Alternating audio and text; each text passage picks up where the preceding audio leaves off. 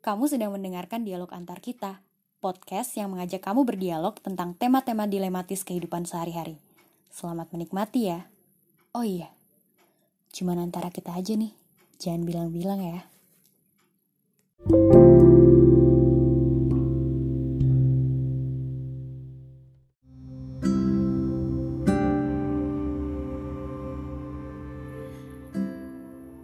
Tadi gue baru baca buku judulnya Kamu Terlalu Banyak Bercanda. Karyanya Marcella FP Yang bikin NKCTH itu. Gue selalu suka sih kalimat-kalimatnya. Tapi ada satu kalimat yang bikin gue berhenti di halaman itu Terus akhirnya ter terinspirasi buat bikin podcast episode ini. Kalimatnya bunyinya gini Kita tidak pernah dipersiapkan untuk menghadapi hal buruk. Hmm, sounds interesting Pertama untuk kita-kita yang lahir di era 90-an ke atas Dulu tuh belum banyak pendidikan-pendidikan parenting, kuluap lah, apalah Yang mengajarkan ke orang tua bahwa sebetulnya penting loh Untuk anak mengenali emosi mereka sendiri sejak dini. Dan yang paling penting adalah gak melulu positif Tapi juga harus belajar menganalisis dan menerima emosi negatif. Misalnya ketika anak terlahir di lingkungan yang kurang harmonis dia sering ngelihat um, ayah ibunya bertengkar bahkan sampai buruk-buruknya adalah bercerai. Dan kalau di pengalaman gue pribadi adalah ketika gue waktu kecil nggak sengaja denger ternyata bokap gue udah nggak kerja lagi nih baru diberhentiin dari kerjaannya saat itu. Hmm, pada saat itu gue ngerasa banyak banget hal di sekeliling gue yang terjadi kurang ideal kurang sesuai dengan definisi bahagia tapi orang tua gue nggak pernah ngejelasin bahwa itu sebenarnya adalah bagian dari fenomena yang mungkin bakal kejadian juga di hidup gue ke depannya nanti. Ya pada saat itu terjadi ya kayak angin lalu aja. Dan bahkan cenderung disembunyiin dari gue. Buat teman-teman yang udah pernah nonton film NKCTHI mungkin ingat di bagian ayahnya angkasa berusaha banget sedemikian rupa buat ngejaga rahasia. Yang gak enak di keluarga mereka cuman buat bikin anak-anaknya tetap bahagia. Beberapa orang bilang itu lebay sih. Tapi akhirnya gue mikir itu kali ya yang terbersih di kepala orang tua orang tua kita termasuk orang tua gue. Ketika dulu memutuskan akhirnya untuk gak ngebagi cerita pahit mereka sama kita. Bahkan di keluarga gue itu ada prinsip yang namanya belum umurnya untuk tahu. Semua anak-anak dijaga banget dari yang definisi-definisi yang kayak perceraian, meninggal, kepergian, kehilangan. Bahkan akhirnya ada juga batasan-batasan bagi kita untuk berpendapat ketika misalnya ada forum besar yang lagi ngobrol. Alasannya ya karena itu belum umurnya kamu untuk kasih pendapat, belum umurnya kamu untuk tahu. Alhasil yang ada di kepala gue pada saat kecil ya hanya di porsi yang boleh diketahui aja. Hal-hal yang ideal dari kehidupan. Kayak bagian-bagian yang manis, bahagia, seneng. Sedikit banget rasanya gue diperkenalkan sama sisi-sisi pahit dari hidup. Karena apa ya balik lagi menurut ajaran keluarga gue belum umurnya. Tapi ya pada saat itu gue jadi anak yang gak terlalu kepo ya udah gue menikmati aja hidup gue dari porsi perspektif hidup anak kecil aja. Kayak hal-hal yang kompleks tuh nggak pernah gue hadapin. Dan gue juga nggak berusaha untuk cari tahu kalau ada orang yang ngomong belum umurnya terus umur yang pantas tuh umur berapa tuh gue nggak cari tahu. Ya udah aja gue cuma nganggap ya orang tua gue sayang sama gue jadi makanya mereka selalu protek gue dari hal-hal pahit di hidup ini. Bagus gak sih?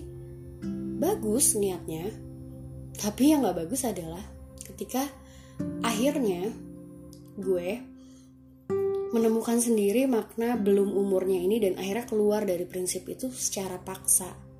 Bukan diajarin sama orang tua, tapi langsung dipaksa sama hidup sendiri. Tepat ketika nyokap gue meninggal. Lu bayangin gak sih anak yang tumbuh di masa kecil yang selalu bahagia dan harmonis terus, tiba-tiba dihadapi sama kenyataan ibunya udah nggak ada. Di situ akhirnya gue kayak kaget banget ngelihat sisi lain hidup. Terus gue mikir gila gini rasanya ditinggalin. Oh gini rasanya kehilangan. Ini kali ya rasanya dipaksa buat mandiri. Karena kan waktu itu nyokap mempersiapkan segalanya selalu Terus ketika beliau udah nggak ada nggak ada yang nyiapin lagi.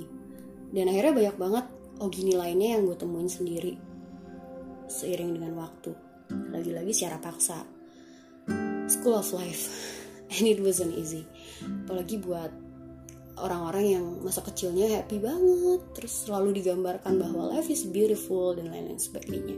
Jadi begitu mereka diantem sama sesuatu yang bitter yang pahit gelap ya kaget shock dan sakit. Dan mereka lebih buruk lagi mereka termasuk gue pada saat itu bingung caranya healing gimana karena gimana bisa healing dulu aja kita tidak pernah diperkenalkan bahwa hidup ini punya sisi yang pahit loh. Termasuk dalam hal penolakan. Dulu tuh gue gak pernah digambarkan bahwa someday di dalam hidup lo mungkin lo akan berhadapan dengan hal-hal yang gak sejalan dan akhirnya lo um, dalam tanda kutip ditolak sama kehidupan kayak gitu lagian gue rasa cuma orang masokis kali ya yang suka ditolak. No one likes to be rejected. Semua orang gak ada yang suka penolakan. Dan itu mungkin bagian tersadis dari bullying karena bullying cenderung bikin korbannya ngerasa ditolak dari lingkungan dan gak berharga. Hmm, buat orang-orang yang gak pedean atau yang self esteemnya cenderung rendah penolakan dalam hidup mereka bakal lebih berbekas dan berat kalau misalnya bagi orang-orang yang pede atau yang kayak normal-normal aja gitu kepedeannya ketika mereka misalnya nyapa orang terus nggak dibales atau kayak uh, pesan mereka dibalesnya lama atau bahkan mereka diabaikan di grup ya udah mesti kayak angin lalu aja nggak terlalu ber, ber berbekas ke mereka. Tapi bagi orang-orang dengan self esteem rendah tuh kayak mimpi buruk. It's a nightmare. Bisa-bisa mereka kepikiran terus akhirnya malah narik diri dari lingkungan. Gue pun sebagai manusia yang tingkat kepedeannya belum oke okay banget paling takut sama penolakan sih sebenarnya. Bahkan mungkin sumber kecemasan terbesar gue adalah ketika gue nggak bisa diterima oleh suatu hal atau suatu lingkungan. Gue bener-bener berusaha bahkan gue ada momen di mana gue nggak ingin memulai sesuatu let's say sederhananya gue nggak ingin uh, melemparkan obrolan misalnya ke grup WhatsApp hanya karena gue gak mau ada kemungkinan pesan gue diabaikan, di skip atau ada penolakan.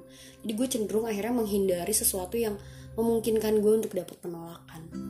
Tapi lalu lagi-lagi gue dihadapkan pada momen yang bikin gue wah gila gue harus ketemu nih sama yang namanya penolakan. Um, dunia kerja gue yang akhirnya kasih pelajaran bagi gue tentang makna sebenarnya penolakan itu apa sih dalam hidup ini. Jadi uh, kebetulan kan gue kerja di industri kreatif ya. Terus di industri ini gue bener-bener dituntut untuk selalu progres mikirnya out of the box beda sama yang lain. Dan untuk terus-terusan ngasih ide yang fresh dan outstanding kan terus akhirnya gue akuin hmm, kayaknya gue sih belum di tahap bisa produce hal-hal seluar biasa itu Masalahnya, walaupun logika gue pada saat itu sadar bahwa oke okay, gue belum bisa produce hal yang oke okay banget dan ada kemungkinan gue dikritik, tapi kayaknya mental gue belum sekuat logika gue. Sampai akhirnya gue terus-terusan ngasih ide tapi terus-terusan juga ditolak. Terus-terusan direvisi terus-terusan dianggap kayak this is not good gitu kan. Dan akhirnya gue kayak terhempas ke titik pede yang bener-bener terpuruk. Akhirnya gue bilang sama anak tim gue kayaknya gue emang gak pantas deh kerja di posisi gue dan kayaknya gue emang seburuk itu sampai akhirnya ide gue dipentalin terus. Dan kalian tahu nggak temen gue pada saat itu temen tim gue bilang dengan santainya dia orangnya belak belakan terus dia bilang kayak santai aja kali. Ketika lo ditolak itu nggak selamanya karena lo buruk tapi ya bisa aja karena emang belum sesuai sama selera yang dipengenin aja. It's a matter of taste anyway dia bilang. Bukan quality-nya. Dia ngomongnya santai dan dia ngomongnya belak-belakan tapi bener-bener merubah mindset gue sih. Gue langsung nyadar kayak gila bener juga. Selama ini gue hanya memetakan penolakan dalam dua hal. Either karena gue buruk atau karena emang mereka nggak suka sama gue. Jadi gue nggak pernah berpikir bahwa ada kemungkinan ketika gue ditolak adalah karena emang gue belum sesuai dengan selera mereka. Yang mana artinya nggak nggak ngaruh juga secara personal feeling. Saya kayak oh mungkin temen gue bisa sesantai itu menghadapi penolakan ya karena dia udah diajarin bahwa someday di hidup lo itu akan ada hal-hal buruk yang datang ke kehidupan lo. Saya gue mikir ya wajar aja sih akhirnya. Ketakutan terbesar kita akan penolakan emang muncul dari ketidaksiapan kita buat ngadepin itu. Analoginya tuh kayak ya coba kita bedain aja ya. Anak yang gak pernah jatuh pas lagi main sepeda terus kalinya dia jatuh dia bakalan kejar-kejaran dan nangis banget kan. Sakit bukan main bahkan mungkin ada trauma untuk bisa naik sepeda lagi. Tapi beda sama anak yang udah pernah bahkan langganan jatuh kalau dia naik sepeda. Jadi begitu dia jatuh ya sakit. Tapi dia tahu apa yang harus dia lakuin. Ngapain? Berdiri bersihin lukanya ngobatin terus sepedaan lagi deh dengan lebih hati-hati nggak perlu takut lagi tuh yang namanya sepedahan. Ya mungkin itu juga kali ya yang harusnya gue atau bahkan kita lakuin.